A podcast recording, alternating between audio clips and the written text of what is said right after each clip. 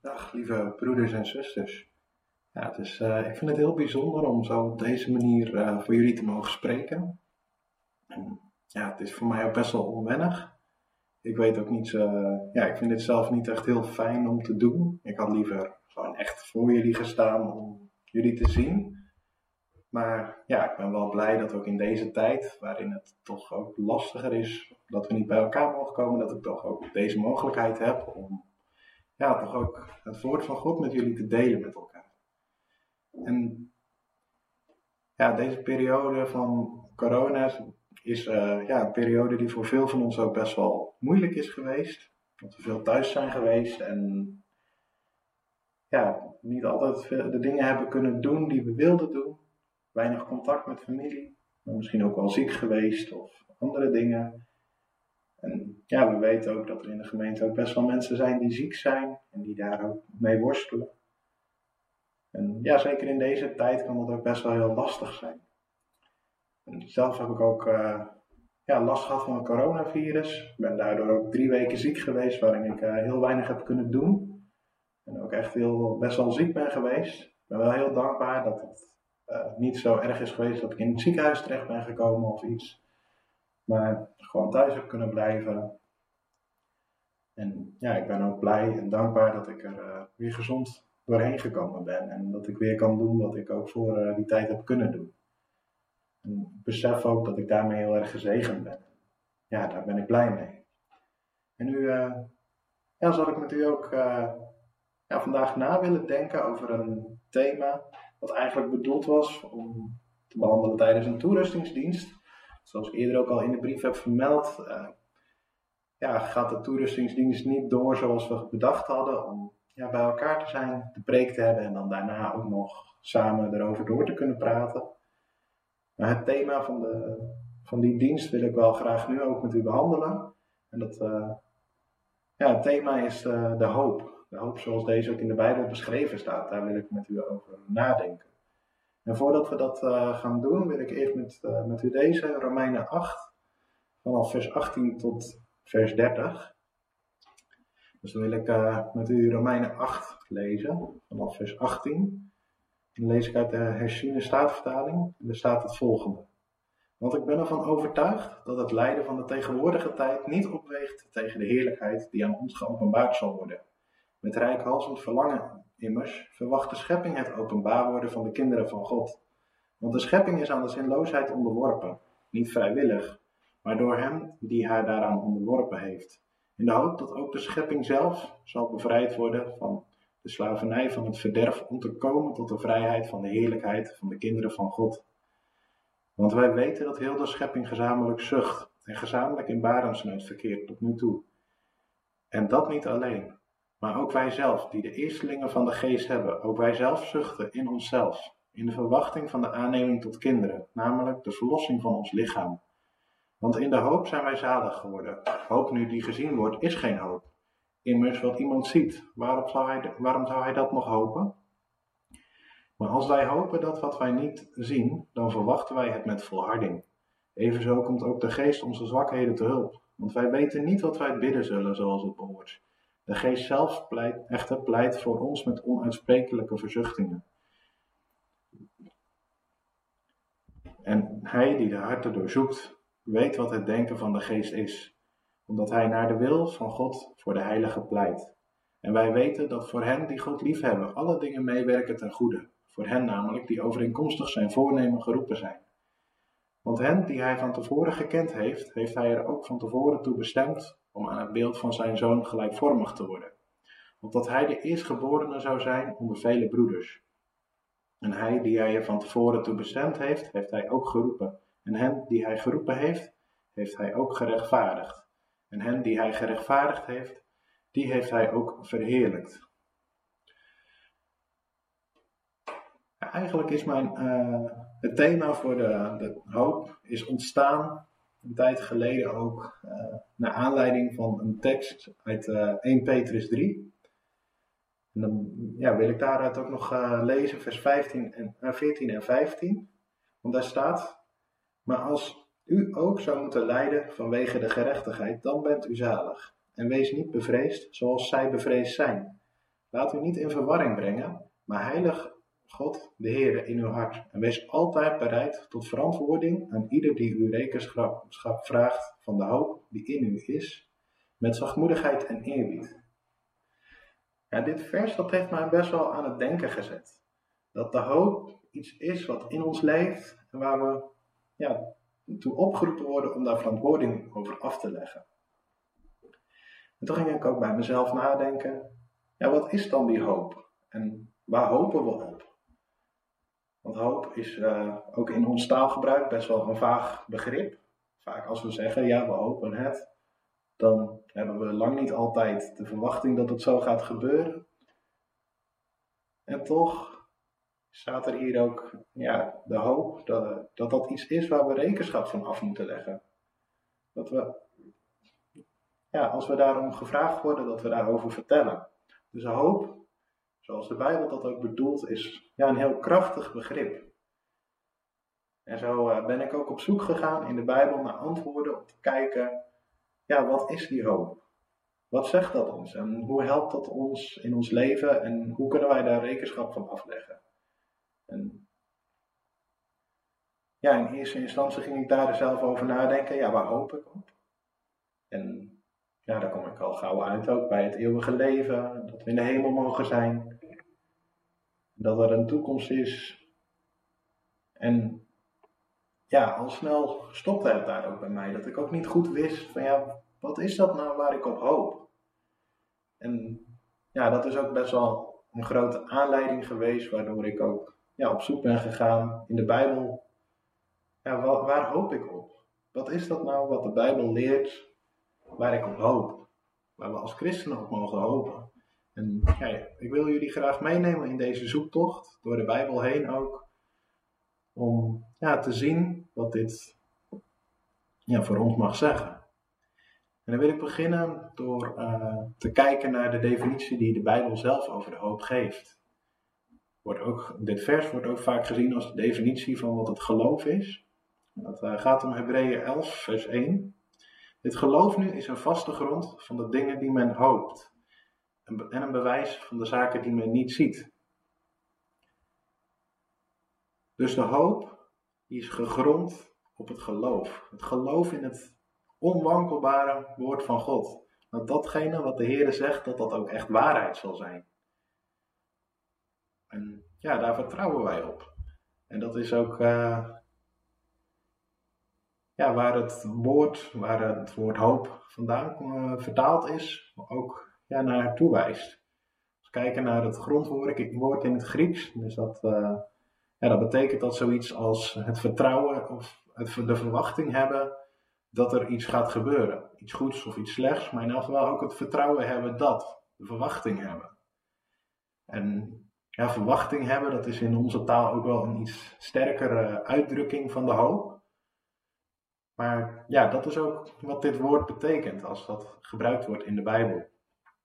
En eerst wil ik ook aan de hand van twee voorbeelden vanuit het boek Handelingen, wil ik ja, wat meer laten zien van wat die hoop betekent. Het eerste gedeelte dat staat in uh, Handelingen 16. Ik zal het nu niet lezen, maar dat gaat over uh, als Paulus in Filippi is en op een gegeven moment dan komt, uh, komt er iedere keer een, een, vrouw achter hem aan die een slavin is. En haar eigenaren gaan ook met haar, met haar mee. En al dagenlang loopt ze achter hem aan en ze roept: Dit is de man die de, e-, de enige God uh, zal verkondigen. En eigenlijk ja, legt die vrouw hier heel duidelijk uit dat Paulus op dat moment aan het spreken is over de Heer die de enige God is in een wereld waar heel veel andere goden gediend worden. En toch ergert Paulus zich daaraan.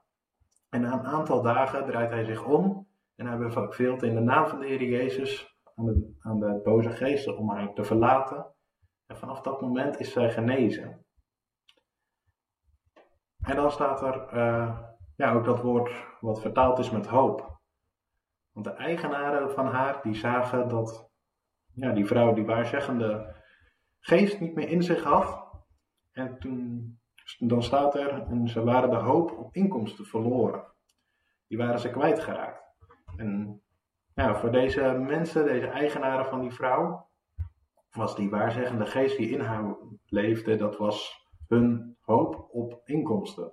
Terwijl hun zekerheid dat ze konden overleven, hun voedsel konden kopen.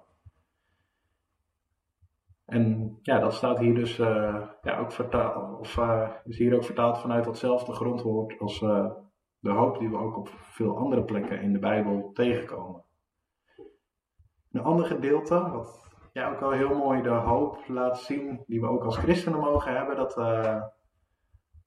ja, ook wel in, een beetje op een indirecte manier, maar dat is Handelingen 27. Het gaat daar in die geschiedenis over dat Paulus met het schip op reis is vanuit Jeruzalem naar Rome tijdens zijn gevangenschap. En ze zijn dan net bij Kreta aangekomen en ja, de scheepslieden die willen verder gaan. Maar Paulus heeft hun gewaarschuwd van nee, jullie moeten niet verder varen, we moeten hier nu aanleggen omdat het niet uh, goed is om verder te gaan. Maar de haven waar ze op dat moment bij zijn, de schone haven, deze haven, die is niet geschikt om de winter door te brengen. Recente onderzoeken hebben ook uh, laten zien, toen ze die plaats gevonden hebben, dat de dichtstbijzijnde stad daar ook 8 kilometer vandaan was. Dus het was ook lastig om goed, aan voldoende voedingsmiddelen en dergelijke te komen. En daardoor was die plaats niet goed om te overwinteren. Dus wilden ze heel graag doorgaan. En zo voerden ze verder. En toen ze net een stukje verder waren, kwamen ze in een storm terecht. Die storm die was zo heftig dat ze in na een dag al eh, de zeilen en alles moesten opruimen. En dat het schip daardoor ook stuurloos was geworden. En ja, na verloop van tijd hebben ze alle bagage overboord gezet. Tot zelfs ook uh, alle werktuigen om ja, het schip te besturen en te bedienen aan toe. Dat hadden ze allemaal weggegooid. Maar nog steeds was het aan het stormen.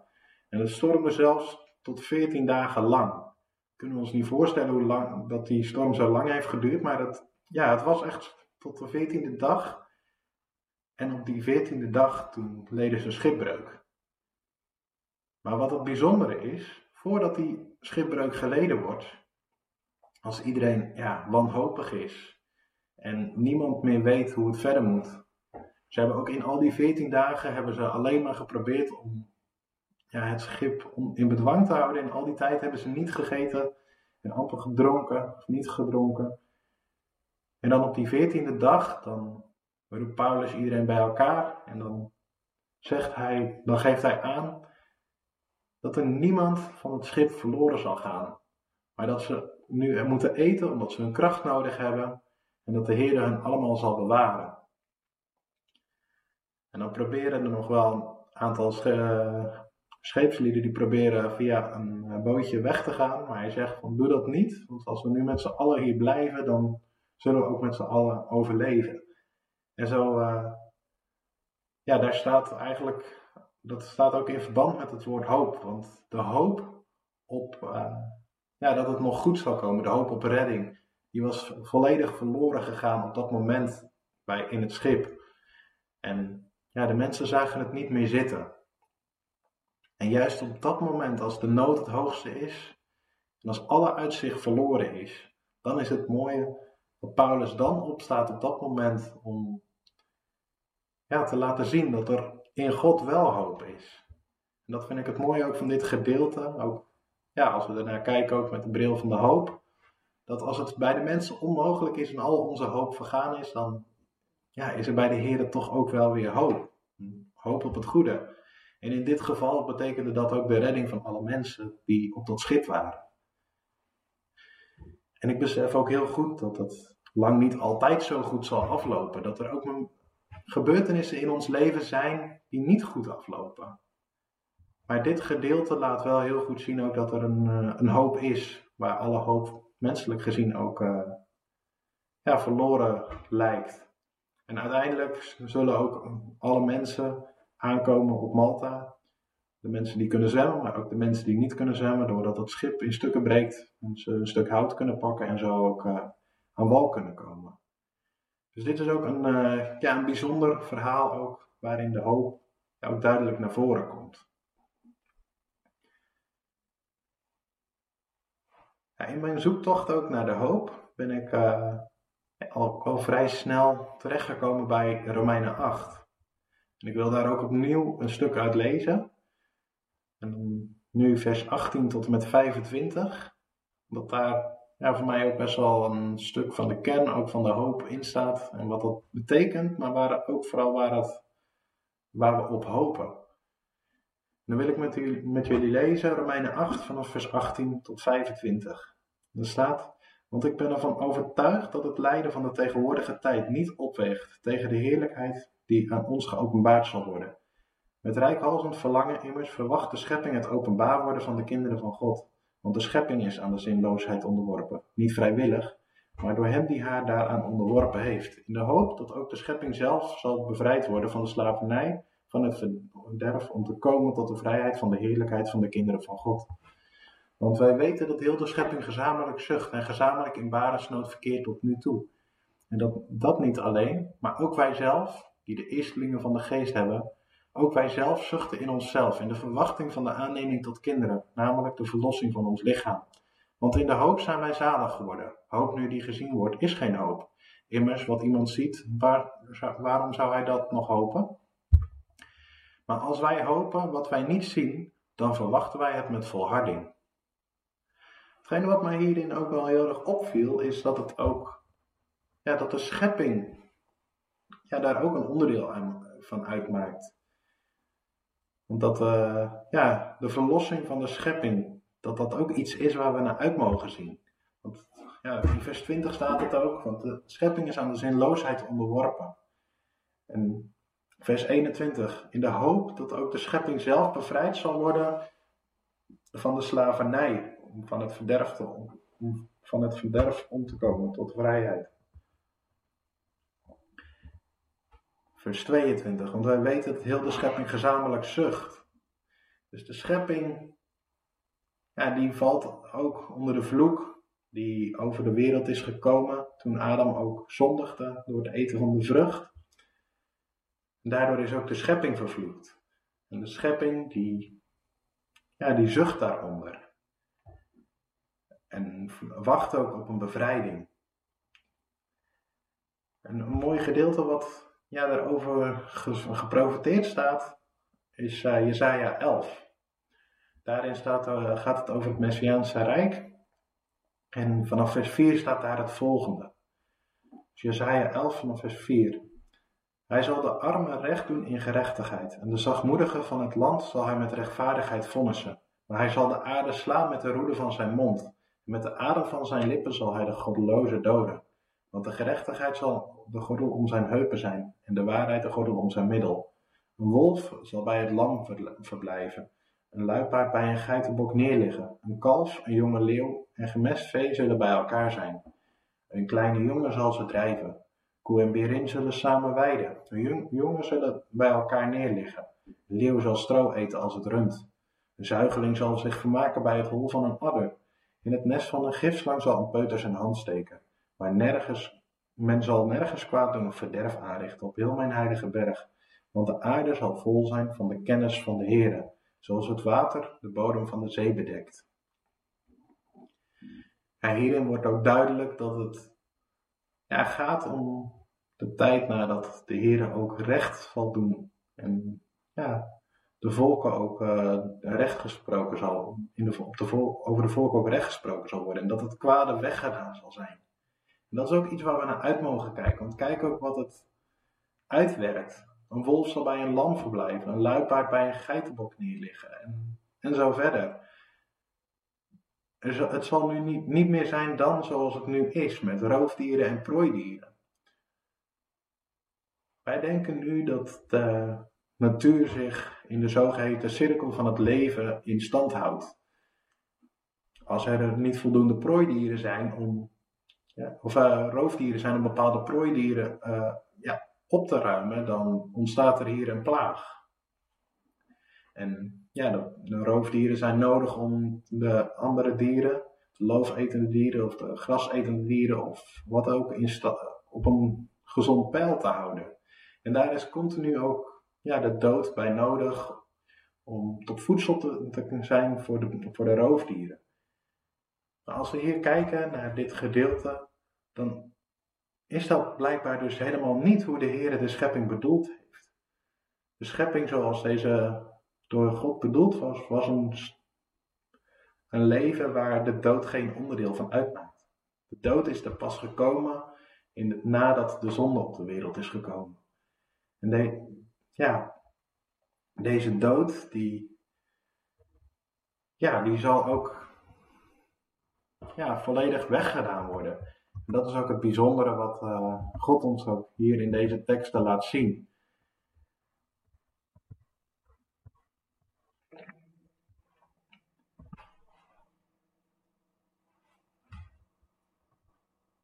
En als we dan weer verder uh, gaan kijken naar uh, Romeinen 8, dan zien we in vers 24 en 25 ook een duidelijke uitwerking van het begrip van de hoop, zoals dit in de Bijbel bedoeld wordt. Het is duidelijk ook dat de hoop gaat, niet gaat om datgene wat we zien, maar juist ook om datgene van wat we niet zien. Dat staat ook heel duidelijk benoemd ook in vers 24. En vers 25 ook. Ja, maar als wij hopen wat wij niet zien, dan verwachten wij het met volharding. Dus het gaat ook juist om de dingen die we niet zien. Maar wat ook heel erg opvalt, dat is het vers wat daarvoor staat. Vers 23. Daar staat, uh, ja, naar de, de dingen die gezegd worden, ook over de schepping, dan staat er, en dat niet alleen, maar ook wij zelf, die de eerstelingen van de geest hebben, ook wij zelf zuchten in onszelf, in de verwachting van de aanneming tot kinderen, namelijk de verlossing van ons lichaam. Maar, wacht even, er staat in de verwachting tot aanneming van tot kinderen.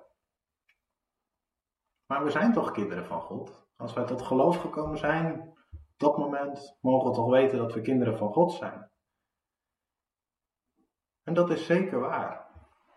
We zijn kinderen van God. Dat is wat Romeinen 8 ons ook in het uh, gedeelte leert wat hiervoor staat. Voor het gedeelte wat we gelezen hebben in vers 14 tot en met 16. Daar staat het volgende. Immers, zoveel als er door de geest van God geleid worden, die zijn kinderen van God. Dus wij zijn wel degelijk kinderen van God. Staat hier, zoals dat hier staat ook in Romeinen 8. Want u hebt niet de geest van slavernij ontvangen, die opnieuw tot angst leidt. Maar u hebt de geest van aanneming tot kinderen ontvangen, door wie wij roepen, Abba, Vader. De geest zelf getuigt met onze geest dat wij kinderen zijn. Van God, dat wij kinderen van God zijn. Dus het wordt hier aan de ene kant heel duidelijk dat wij kinderen van God zijn. Maar ook dat we dat weten doordat de geest van God dat zegt door ons heen. En dat Hij het is die in ons getuigt dat we die kinderen van God zijn. En zoals ook in het stukje van wat we gelezen hebben uh, gezien, en met name in vers 23, dan staat er ja, de verwachting tot de aanneming van kinderen, namelijk de verlossing van ons lichaam. En ja, dat is iets wat dus eigenlijk nog plaats moet vinden. Maar wat we door, ja, daar ook, door de geest van God mogen dat ook zien alsof dat al plaatsgevonden heeft. En ja, we kunnen dat ook wel een beetje vergelijken met dat er ook geschreven staat dat wij geen thuis hebben hier op deze aarde, maar dat we eigenlijk hemelburgers zijn. Van wij horen thuis in de hemel, maar we moeten nu nog leven op de aarde. Want wij zijn kinderen van God, maar we zijn nu nog op deze aarde. En daardoor kunnen we niet volledig leven als de kinderen van God zoals ja, dat ook bedoeld is. En het is nog niet geopenbaard precies hoe dat zal zijn. Maar dat is ook iets wat uh, ja, in de toekomst zeker gaat gebeuren. En dat is iets waar we ons naar uit mogen strekken, waar we op mogen hopen. En dat ja, wil ik ook aan de hand van een aantal teksten vanuit de Bijbel ook verder ja, verduidelijken. Hoe dat zal zijn en hoe we veranderd zullen worden. En dan wil ik ja, als eerste ook kijken naar vers 29 nog van Romeinen 8. Waar staat, want hen die hij van tevoren gekend heeft, hij heeft hen, want hij, hen die hij van tevoren gekend heeft, heeft hij er ook van tevoren toe bestemd om aan het beeld van zijn zoon gelijkvormig te zijn. opdat hij de eerstgeborene zou zijn onder vele broeders. Daar staat ook ja, heel duidelijk dat, we, dat hij wil dat wij gelijkvormig worden aan hem. Hij heeft ons daarvoor bedoeld. Dus dat we ja, op eenzelfde manier ook kunnen leven als dat uh, hij dat heeft gedaan. En dat we echt aan zijn beeld gelijkvormig worden. En nu we dat ook zo lezen, dan moeten we ook denken ook aan de schepping, waarin de Heer ook Adam heeft gemaakt naar zijn beeld. En ja, dat wordt eigenlijk ook uh, weer hersteld. En dat is iets waar we naar uit mogen kijken. En ook in Colossense 3 staat hier ook het, uh, wat over geschreven. En ja, dan wil ik met jullie lezen, vers 1 tot 4. Als u nu met Christus opgewekt bent, zoek dan de dingen die boven zijn, waar Christus is, die aan de rechterhand van God zit. Bedenk de dingen die boven zijn en niet die op de aarde zijn. Want u bent gestorven en uw leven is met Christus verborgen in God. Wanneer Christus geopenbaard zal worden, die ons leven is, dan zult ook u met hem geopenbaard worden in heerlijkheid. En dit gaat ook weer opnieuw over dat moment ja, dat, we in, dat we geopenbaard worden met Christus. Dus dat, dat is ook een moment in de toekomst. En ja, waarin ook, ja, we zijn, hier in Colossense staat het ook zo van, wij zijn in Christus verborgen in God. En ja, daarin zijn wij ook ja, echt één met Hem. En ja, zoals net in Romeinen 8 ook gelezen zijn, zijn we gelijkvormig aan Hem. En hier in Colossense zijn wij in Hem. Dus dat, is ja, dat laat zien hoe dichtbij we bij Hem mogen zijn. En ook dat we met Hem geopenbaard mogen worden. Daarin, daar gaat uh, Filippenzen 3, vers 20 en 21, gaat daar ook nog verder over. En daar wordt ook weer uh, ja, dat benoemd dat we burgers zijn van de hemel. En daar staat het volgende. Ons burgerschap is echter in de hemelen, waaruit wij ook de zaligmaker verwachten, namelijk de Heer Jezus Christus, die ons vernederd lichaam veranderen zal, zodat het gelijkvormig wordt aan zijn verheerlijk lichaam, overeenkomstig de werking waardoor hij ook alle dingen aan zichzelf kan onderwerpen. Dus ook hier opnieuw dat we gelijkvormig worden gemaakt met het lichaam van de Heer Jezus. En dat gebeurt vanuit zijn kracht. De kracht waaruit hij ook is, uh, is opgestaan. Die kracht die zal ons ook veranderen. En ja, deze dingen zo bij elkaar, die laten ook zien dat, uh, ja, dat er iets gaat gebeuren met ons. Dat het lichaam wat we nu hebben, dat dat veranderd zal worden. Het lichaam wat we nu hebben, dat is een lichaam dat aan ja, de dood overgeleverd is eigenlijk. Een lichaam dat aftakelt. Maar straks zullen we een lichaam krijgen dat gelijkvormig is aan het lichaam dat de Heer Jezus ook had toen hij opgestaan was. Dat is ook een heel bijzonder lichaam en we mogen daar ook naar uitkijken. Een lichaam wat niet meer ziek zal zijn.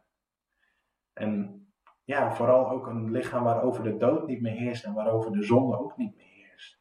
En dat is het mooie daarvan ook. Van dat nieuwe lichaam dat ja, geopenbaard zal worden aan het einde van ja, deze tijd ook. En ja, verlangen daarna, dat staat ook in meer plaatsen ook op de Bijbel, uh, in de Bijbel staat dat beschreven. En ja, ook dat we naar hem toe zullen gaan. Ook, uh, ja, dat lezen we ook uh, ja, in de Bijbel.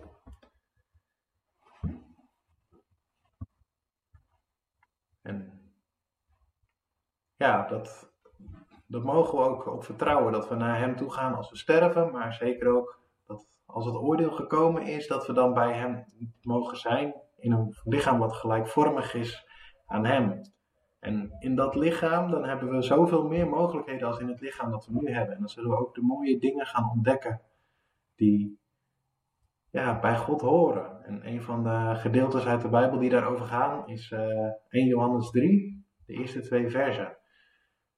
Dus de eerste brief die Johannes schrijft, vers, hoofdstuk 3, Er staat, zie hoe groot is de liefde die de Vader ons gegeven heeft, dat wij kinderen van God worden genoemd.